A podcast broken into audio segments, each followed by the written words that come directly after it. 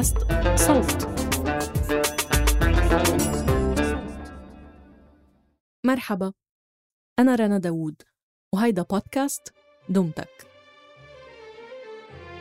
اليوم حبينا استثنائيا نعيد نشر حلقة من موسمنا الأول بمناسبة عيد ميلاد صاحبتها. يوم 21 تشرين الثاني نوفمبر خلقت نهاد حداد اللي بتعرفوها باسم فيروز. بهاي الحلقة حكينا عن فصل خاص ومصيري بمسيرة فيروز الفنية والشخصية. بالفترة اللي كانت الحرب الأهلية اللبنانية دايرة فيروز كانت عم بتخوض معركة على جبهة داخلية.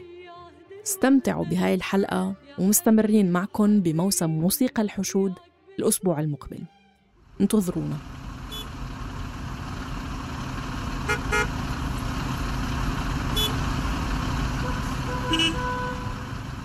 بيروت 1983 شارع الجنرال ديغول بالروشة الشارع اللي كان ما بيهدى بين عجقة الناس الماشية على الكورنيش والسيارات على المسربين قتلته الحرب.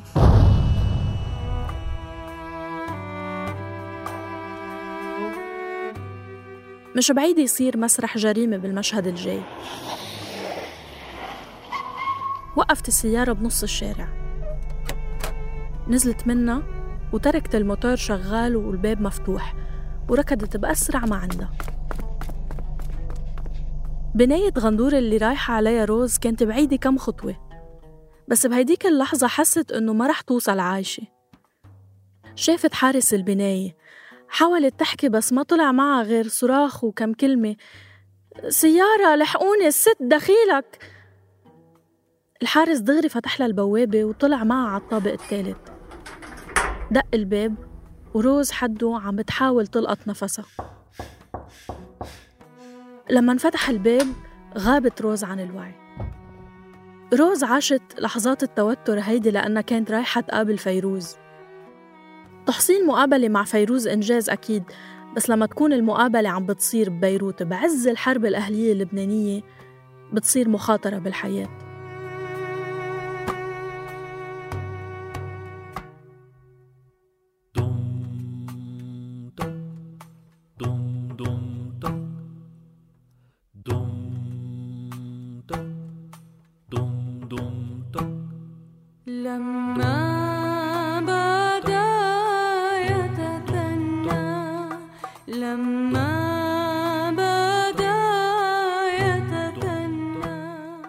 مرحبا فيكم ببودكاست دمتك.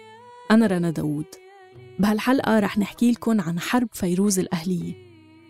هالقصة كتبها عمر ذوابي ورح نرويها نيابة عنه. من يوم اللي تكون يا وطني الموج كنا سوا. ليوم اللي بيعتق يا وطني الغيم رح نبقى سوا. من يوم اللي تكون يا وطني الموج كنا سوا.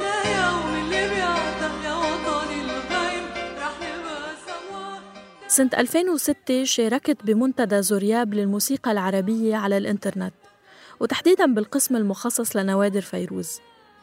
معظم هالنوادر سبق وانبث بس بسبب انعدام الأرشفة الممأسسة بالعالم العربي وتحديدا بلبنان صارت المبادرات المستقلة مثل منتدى زورياب حل مؤقت بديل عن أرشيف وطني مسؤولة عنه الدولة. منتدى زورياب ما انكتب له الاستمرار سنة 2009 اكتشفته ريما الرحباني بنت فيروز وعاصر الرحباني وقدرت إنها تتسبب بتسكيره بحجة الدفاع عن حقوق الملكية الفكرية للمواد المنشورة.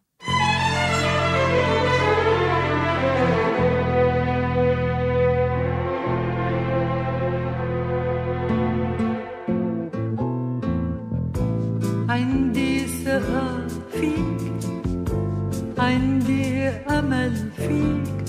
وبكفي شو بدك يعني أكتر بعد فيك تذكر زورياب وريما مديرة شركة فيروز Productions أكيد ما قدمت بديل. أنا كنت من المحظوظين اللي قدروا يحتفظوا بهالمواد قبل تسكير المنتدى. واحد من هالتسجيلات اللي لفتني بشكل عظيم كان لمقابلة مع فيروز سنة 83 على إذاعة صوت لبنان ببرنامج من أحد لأحد. كانت تقدمه روز فرح المعروفة بورد الزامل أو وردة صوت لبنان. أسئلة وردة ما تجاوزت المعتاد حتى بعضها كان مليان كليشيهات بس بالمقابلة كان في عدة عناصر قوية. فيروز على عكس عادتها استرسلت بالحديث وحكت بكتير مواضيع وبنفس الوقت قدمت مقاطع من أغاني كانت عم بتسجلها بهديك الفترة. وجزء من هالمقاطع ما رجع انبث ويمكن ما يرجع يصدر بشكل رسمي على الإطلاق. بس العنصر اللي حول المقابلة لحدث هو السياق التاريخي والسياسي والفني اللي رافق بث المقابلة. شو هو؟ لبيروت. من قلبي سلام لبيروت. سنة 1983 كانت السنة الثامنة للحرب الأهلية اللبنانية. هالسنة إجت من بعد سنة دامية بالمجازر والدمار بعد الاجتياح الإسرائيلي لبيروت. كان مفترض فيروز تحيي سلسلة حفلات بمسرح قصر البيكاديلي وتحضيراتها كانت جاري.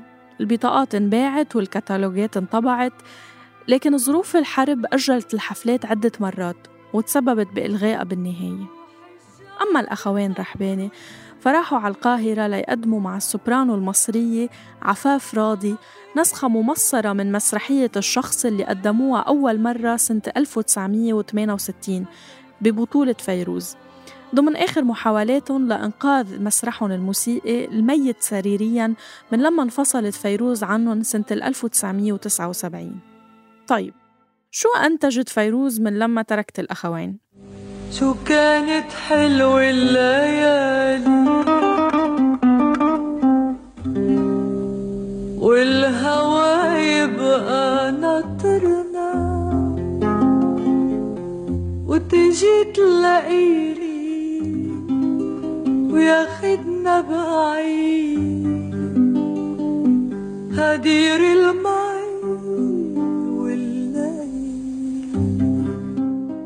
أسطوانة وحدهم لزياد الرحباني وأسطوانة ذهب أيلول لفلمون وهبي. واجتمعت مع رياض الصنباطي لمشروع قصيدة مدتها تلت ساعة وعملت جولة حفلات كبيرة بأمريكا وكندا. وهي كانت أول حفلات إلها بدون عاصي ومنصور الرحباني. طبعا الأخوين حاولوا يخربوا على فيروز ويمنعوها بالأول إنها تغني إنتاجاتهم بعدين أشرفوا على حملة إعلامية شنها أصدقائهم بالصحافة الفنية العربية.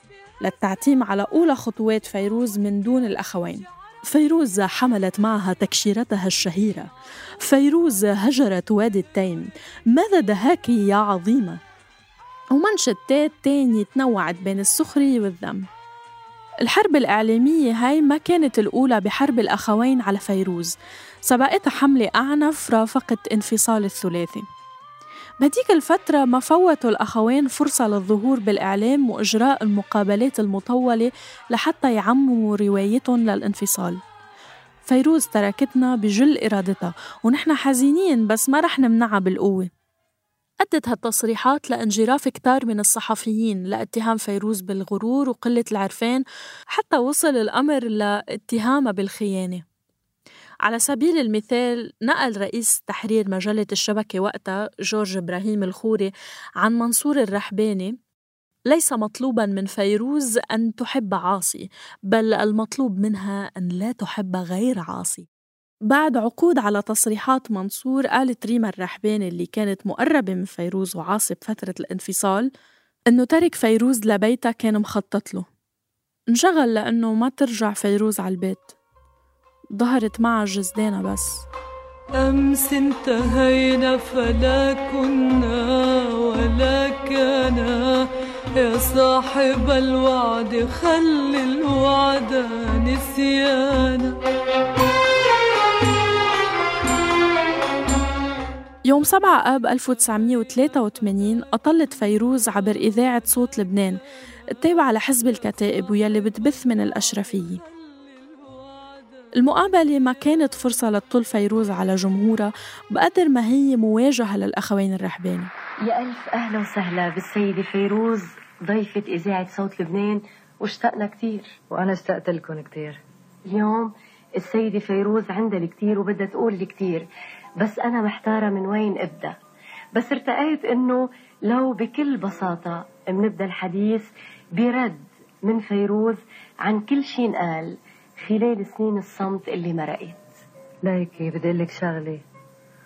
الله يعطيني صحتي وصوتي وفني وشعبي وما بدي شي تاني. غير هيك اختيار فيروز لهالمنصة الإعلامية اليمينية غير عشوائي. فالأخوين رحباني خلال فترة انفصالهم عن فيروز قدموا مسرحيتين بكازينو لبنان ومسرح جورج الخامس الواقعين ضمن نفوذ تحالف الجبهة اللبنانية. وإضافة لهيك ليلة افتتاح المؤامرة مستمرة أول عمل مسرحي رحباني بعد الانفصال. كان مؤسس حزب الكتائب اللبنانية بيير الجميل وابنه أمين حاضرين بالصف الأول. يبدو أن الحرب الأهلية كشفت ولاءات الأخوين السياسية فاختارت فيروز أن تواجههم بنفس المضمار على أثير إذاعة بتمثل حزب الكتائب واليمين اللبناني. فيروز ليش هالصمت الكبير اللي صار لغز أي صمت؟ أنا ما عندي شي أقوله. عندي غنية. واللي بيربط الكلام بالفن بينتلي بالسكوت أنا حملت صوتي وجيت لعند الناس. لفني مش لأحكي. إلا اللي هو لازم ينحكى وينقال. فيروز في شيء لازم نسألك إياه. شو هو سر خلودك؟ لأنه حتى يستمر الإنسان ضروري يكون عنده سر. إذا كان فيروز لها خلود هالشي بخوف. هالكلام بخوف كتير بيكون إنه قدرت فيروز تغلب الموت بالفن. قلتيلي إنه الإنسان ضروري يكون عنده سر تيستمر إيه لازم يكون عنده سر. الفن وقت اللي يبطل يكون سر ما بيعود فن. طبعا ما رح نمون على الست فيروز تغني لنا شوي اليوم ولكن ممكن نسمع بصوتك كلام الغنية؟ إيه رح سمعك مطلع الغنية. بتقول خليك بالبيت. هلا حبيت رح كون وحيدة وحدي انفليت الله يخليك خليك بالبيت. خليك لتروح مشتاقة ليك خليك كتير حبيت عينيك. ما بعرف ليش وبغار عليك. الله يخليك خليك بالبيت. والله يخليكي انت خليكي معنا. الله يخليك خليك بالبيت. خليك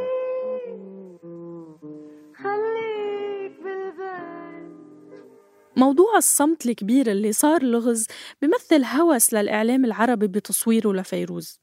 مبدئيا هو أحد أوجه الصور النمطية اللي انرسمت لفيروز. الصامتة الكبيرة اللي ما بتضحك ولا بتتحرك هي وعم بتغني وبتوقف على المسرح مثل الصنم. فيروز مقلة بالإطلالات الإعلامية مزبوط بخلاف الأخوين الرحباني اللي كانوا كتير بحبوا الظهور. لكن حتى بمقابلاتها القليلة بهديك الفترة رفضت إنها ترد على الاتهامات اللي طالتها. بنفس الوقت ما سكتت للأخوين رحباني وكمان سخرت من نفوذهم الإعلامي. بوحدة من مقابلاتها علقت فيروز على كثرة انشغال الصحافة بالأخوين وقالت دخلك ليش كل ما عطسوا بينكتب إنهم عطسوا آه، الفن مثل معبد قديم كله سكوت وبالفن في قداسة وهالقداسة بتظهر بوجه الفنان هو عم بغني. هالإحساس بالعبادة لحدا مش جديد يعني هذا من زمان. عندي إياه يعني. وعاصي حس فيه واحترمه. بس هاللي عم تسميه الانتفاضة. أنا عم غني بحس بالسيادة. اللافت بهالمقطع أولاً هو إجابات فيروز اللي مليانة شعرية وصور وفلسفة. يعني إجابات كتير منمقة. غير هيك لافت كيف فيروز بتحكي عن حالها بصفة المجهول وكمان كيف ذكرت عاصي بالاسم وما أشارت للأخوين الرحباني مع أنه اسم فيروز اقترن على الدوام بالأخوين أولا وبعاصي بدرجة تانية. معناته فيروز كانت عم بتحط النقاط على الحروف بهالموضوع الشائك. بدي أسألك قالوا عن فيروز عنيدة ليش؟ لا فيروز مش عنيدة فيروز بتفكر كتير وثقتها بغيرها قليلة. واللي مقتنعة فيه بتعمله طيب برأيك المرأة العنيدة بتحبذيها؟ إيه إذا معها حق مش عند فاضي يعني شوفي حالك يا مدام لكن طيب وقالوا عن فيروز مترددة ليش؟ آه فيروز مش مترددة فيروز طريقة صعبة ولازم تفكر كتير قبل ما تمشي طيب وابتسامتك مكبوتة ليش؟ فيروز ما شافوها الناس إلا وهي محطوطة بحبس الرسميات. وحدن بيبقوا مثل زهر البيلسان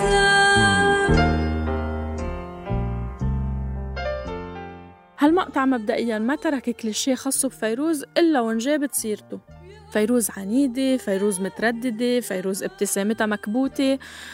بس اللافت أكتر هو إجابات فيروز المباشرة والواضحة واللي كمان مرة بتحكي فيها عن حالها بصيغة المجهول. بس واضح كمان نفور فيروز من الصورة النمطية اللي رسمت لها وأشارت لها بحبس الرسميات. يمكن هالحبس صنعته ديكتاتورية الأخوين رحباني اللي ما حدا بينكرها ابتداء من فيروز نفسها. طيب المقطع الجاي مهم كتير لفهم قديش وصف فيروز بالصامتة مش كتير دقيق. لأنه رح نكتشف قديه فيروز تكتيكية بتصريحاتها وكمان عندها حس فكاهة مش قليل. ورأي فيروز بآخر أعمال الرحباني المؤامرة مستمرة والربيع السابع. منصور بيقول مثل ما نشرت له المجلات والجرايد إنه هالمسرحيتين هن أعظم عملين للاخوين رحباني بكل حياتهم الفنية. وبعتقد إنه منصور عادة ما بيحكي إلا الحقيقة قولك هيك إنه هالعملين هن أعظم الأعمال هيك بيقول منصور أنا مع منصور مزبوط فيروز مع منصور؟ طيب مرق على هول مسرحيتين أربعين سنة حدا بيتذكر غنية وحدة منهم؟ حدا بحياته شافهم على التلفزيون؟ امتحان الزمن هو كان الفيصل وأكيد إنه فيروز كانت عم بتجاوب بسخرية شديدة على أوهام منصور الرحباني بس لسه المواجهة بين فيروز والأخوين ما خلصت والمقطع الجاي خير دليل. أحد المحامين بيوضع فيروز بقفص الاتهام للأسباب التالية. أولا تركت مع ابنك زوج مريض. ثانيا أنكرت بتصرفك الأيدي البيضاء اللي مدى عاصي الرحباني إليك. ثالثا ضعف المستوى الفني الحالي من بعد ما كنت بتتمتعي بمستوى عالي جدا قبل الانفصال وهيدا كله طبعا أنا عم ردد ست فيروز سؤال المحامي. وبيتمنى هالمحامي يكلفوا السيد عاصي الرحباني بدعوى ضدك ليتمكن من الاستحصال على تعويض ما بيقل عن 3 ملايين ليرة لبنانية. فشو تعليقك؟ أنا بشكر هالغيرة بالأول. وبعدين اللي سائل هالسؤال منه محامي؟ لأن المحامي بيعرف بالقوانين. وبعدين كيف بيسمح لحاله يحكم بقضية ما بيعرفها؟ وأنا بعرف إنه المحامي إنسان مهذب. وبفتكر إنه اللي سائل هالسؤال مش محامي. بالحقيقة نحن اليوم كنا بدنا نجرب نهرب شوي من جو هالأسئلة. ونحكي مع فيروز بس فن. مش ممكن نهرب ما هيدي حياتي. طيب إذا رح ننتقل لسؤال ثاني بهالمجال هيدا. عم ينحكى عن صلح قريب جدا مع منصور الرحباني. يا ترى شو الأهداف من هالصلح؟ هل هي عودة فيروز مدام رحباني أو أعمال جديدة فيروزية رحبانية؟ أول شيء ما في خلاف بيني وبين منصور ليكون في صلح. واللي سائل هالسؤال بيتصور كأنه عاصي إنسان بلا رأي يعني. كأنه عاصي بطل يكون الأساس. بالأخوان رحباني. الواضح من هالمقطع إنه حتى سنة 1983 الحرب الإعلامية على فيروز كانت أشد على الرغم من مرور أربع سنوات على انفصالها عن الأخوين الرحباني. وموقف ورد الزامل محاورة فيروز يبدو ما كان حيادي حتى لو افترضنا أنه ناقل الكفر ليس بكافر. فالمحامي اللي يفترض بعت هالرسالة للبرنامج ما انكشف عن هويته فبالتالي الرسالة كانت ببساطة محاولة لاستدراج فيروز لاستخدام نفس الأسلوب الهجومي اللي انتهجوه الأخوين الرحباني وأصدقائهم بالصحافة. لكن فيروز ما وقعت بالفخ ردت بدون محاججة أو تبرير وشككت بوضوح بهوية المرسل. اللافت كمان إنها نفت وجود خلاف مع منصور الرحباني. على العلم إنه هاجمها بشكل مباشر بالإعلام ووصل فيه الحد لاتهام فيروز بخيانة عاصي. عنصر آخر كان لافت وهو تأكيد فيروز على أنه عاصي الرحباني هو الأساس. وهيدا تأكيد ضمني على جوهرية دور عاصي بالثلاثي ورجوح كفته بثنائي الأخوين. وهي الحقيقة المش مريحة لكتار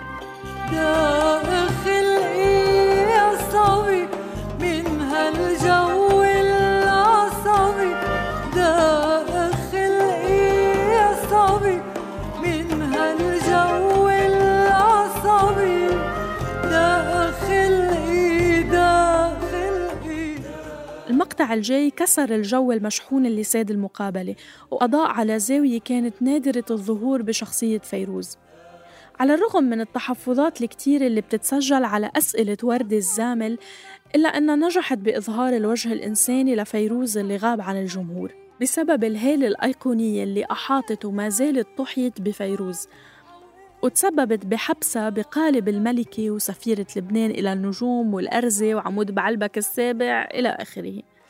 هالألقاب بالنهاية حرمت فيروز من حقها إنها تكون نهاد حداد لا أكثر ولا أقل كيف فيروز بتمضي يومها؟ آه يوم فيروز موسيقى وسكوت وتأمل ورفض لمقابلة حدا ما بيوحي بالطمأنينة ومطالعة لمجلات وجرايد وأشياء حلوة بتحب تقراها وحل رموز أخبار الخادمة اللي دايما بتقلي إنه إجا تليفون وما بتعرف مين. بتنسى مين حكي معه. مين حكي؟ وشو الاسم والأسامي اللي بتقولها؟ غريبة ما بعرف حدا منها يعني. في شيء طريف حصل معك مثلا بهالمجال؟ إيه، معلوم إشياء كثير بس ما فيي أحكيها. يعني تقول لك اتصل فلان يطلع مش فلان فلانة أو حدا ثاني وبتسمي على ذوقها. هي بتستخلص الصوت وبتقلي حدا ما بيكونش الحدا يعني. طيب هلا سالوكي كيف بتمضي يومك وأنا بدي أعرف شو بتاكلي. ضروري تسأليني هالسؤال. أنا بعرف إنه الأكل والفن يعني ما بينسجموا ابدا. ما بس أنت شو بتاكلي؟ لأن أكلك شوي طريف. باكل كل شيء لا مش كل شيء في أشياء معينة مش كل شيء مش مهم هلا شو باكل المهم شو بعطي. يمكن لو بطول وقت البرنامج لنص ليل الليلة بضل في عندهم المستمعين ونحن أسئلة نسألك إياها. بدنا نرجع شوي لأسئلة تقليدية كنا تطرقنا لها بأول البرنامج وهو شو هو دور فيروز كزوجة تجاه عاصي الرحباني حاليا وهو بحالة المرض؟ هذا شيء بخصني أنا وعاصي. مين هو الملحن اللي ارتحت له فيروز أكثر من غيره؟ يمكن أكبر اثنين بيعترف فيهم صوت فيروز عاصي وزياد. ولمين بترتاح فيروز من المطربين والمطربات؟ اللي برتاح لهم كثير قليل لأنه الفن العظيم نادر. إذا رجعت بجن وإنت ردك بالشقاق لا قدران يفل ولا قدران يبقى سنة 2017 وبعد أكثر من عشر سنين على سماعي للمقابلة لأول مرة كنت بعدني بحالة دهشة. عشان هيك قررت إني حاول أتواصل مع ورد الزامل وأعرف أكثر عن أسرار هالمقابلة. وبالفعل بعثت لها رسالة على التليفون عرفت عن حالي وقلت لها إني ببيروت عم بشتغل على رسالة الماجستير عن فيروز خلال الحرب الأهلية. فاجأت إنه بعد مرور كم ساعة بتتصل فيي وردة وبتدعيني لألتقي معها باستوديو إذاعة الشرق محل ما بتشتغل من لما تركت إذاعة صوت لبنان. يوم 15 نيسان وبعد انتهاء البث المباشر لحلقة برنامج صالون السبت وسألتها عن حوارها مع فيروز. فيروز رقم صعب جدا. رقم صعب جدا. إذا بأغاني الكاميون والزيتون وكيفك أنت وقوم فوت نام بعد شوي رح تغنيها هي. صحيح. مش زياد. صحيح. وعهدير البوسطة غناها جوزيف صقر وغنتها فيروز. بالعكس فيروز طلوع. وكل اللي انتقدوا أي مرحلة من مراحل فن فيروز هن اللي نزلوا نزول. هي ضلت طلوع الله يطول بعمرها قالت لي للمراية تغيرتي علي. كبرتي مثل الحكاية وشفناكي صبية تار البنت مخباية مخباية بالمراية. تار البنت مخباية مخباية بالمراية. الجدير بالذكر هون إنه لما نشرت وردة نص وتسجيل اللقاء ضمن كتاباتها بكل أمانة حذفت حوالي 25 سؤال من المقابلة الكاملة مع فيروز وتحديدا الأسئلة الإشكالية اللي تطرقت للخلاف مع الأخوين الرحباني لما سألت وردة عن السبب قالت إنه المقابلة طويلة وبتتطلب حيز ورقي ورقمي غير ممكن توفيره. بالمحصلة وسواء كان سبب الحذف تقني أو تحريري فالمقابلة صدرت في الكتاب منزوعة السياق بشكل شبه كلي وخالية من الإشكاليات. عنصر آخر شديد الأهمية انحذف من تسجيل المقابلة هو مجموعة مقتطفات من أغنيات كانت فيروز بصدد تسجيلها ببداية الثمانينات. منها أغنيات لزياد الرحباني وفلمون وهبي. جميعها صدرت لاحقا مع اختلافات بالموسيقى إلا أنه المقطع الأهم واللي انبث مرة واحدة على الراديو واختفى كليا هو تسجيل مدته دقيقتين لقصيدة أمشي إليك اللي لحنها الموسيقار رياض الصنباطي. هالتسجيل زاد من تعقيد اللغز اللي بيحيط فيروزيات الصنباطي لأنه أظهر قدرة فيروز على غناء هالنوع من القصائد وبفترة وصل صوتها فيها لذروة النضج والمهارة التقنية. ومن دون تقليد لأم كلثوم واللي هو السبب اللي افترضه كثر لتبرير تردد ثم رفض فيروز لإطلاق ألحان الصنباطي. أذاكر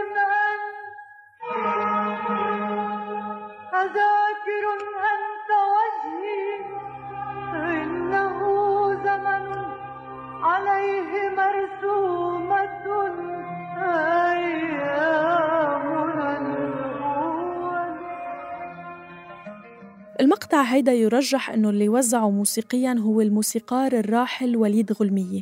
لكن للأسف ما قدرت أتحقق من هالمعلومة خصوصا إنه بالإضافة للغموض اللي بلف فيروزيات الصنباطي في كمية تكتم مخابراتي من قبل كل اللي عاصروا تسجيل الألحان أو سمعوها بشكل كامل. حتى بعد 35 سنة من بثها المقابلة لا زالت محط اهتمام ولسه فيها ألغاز ما انحلت. ما بستغرب إنه كلفت وردة الزامل سنتين شغل حتى كمان كادت تكلفها حياتها. مرة من المرات اللي كانت رايحة فيها وردة على بيت فيروز لتسجل لحقتها سيارة على الطريق يبدو كانت تابعة لأحد الميليشيات. حست وردة إنها عم تتعرض لمحاولة خطف. وما قدرت تهرب إلا قبل لحظات من وصولها لبناية غندور محل ما كانت ساكنة فيروز. لما وردة حكت اللي صار معها عصبت فيروز كتير واتصلت بعدد من السياسيين على التليفون ووجهت لهم كلهم رسالة وحدة ضبوا زعرانكم. وبحب أقول كلمة صغيرة للناس لأهل بلدي بحب وصي أهل بلدي ببلدي. هالبلد العظيم الكريم الحلو. بيقولوا صغير بلدي وبالغضب مسور بلدي الكرامي غضب والمحبة غضب والغضب الأحلى بلدي. قصة هالحلقة كتبها عمر ذوابي من فريق معازف اللي بالمناسبة قدم رسالة ماجستير عن فيروز خلال الحرب الأهلية اللبنانية. فريق صوت نقلكن هيدي الحلقة لبودكاست حررتها صابرين طه ومنتجها تيسير قباني. وقدمت لكم إياها أنا رنا داوود يا صخرة الفجر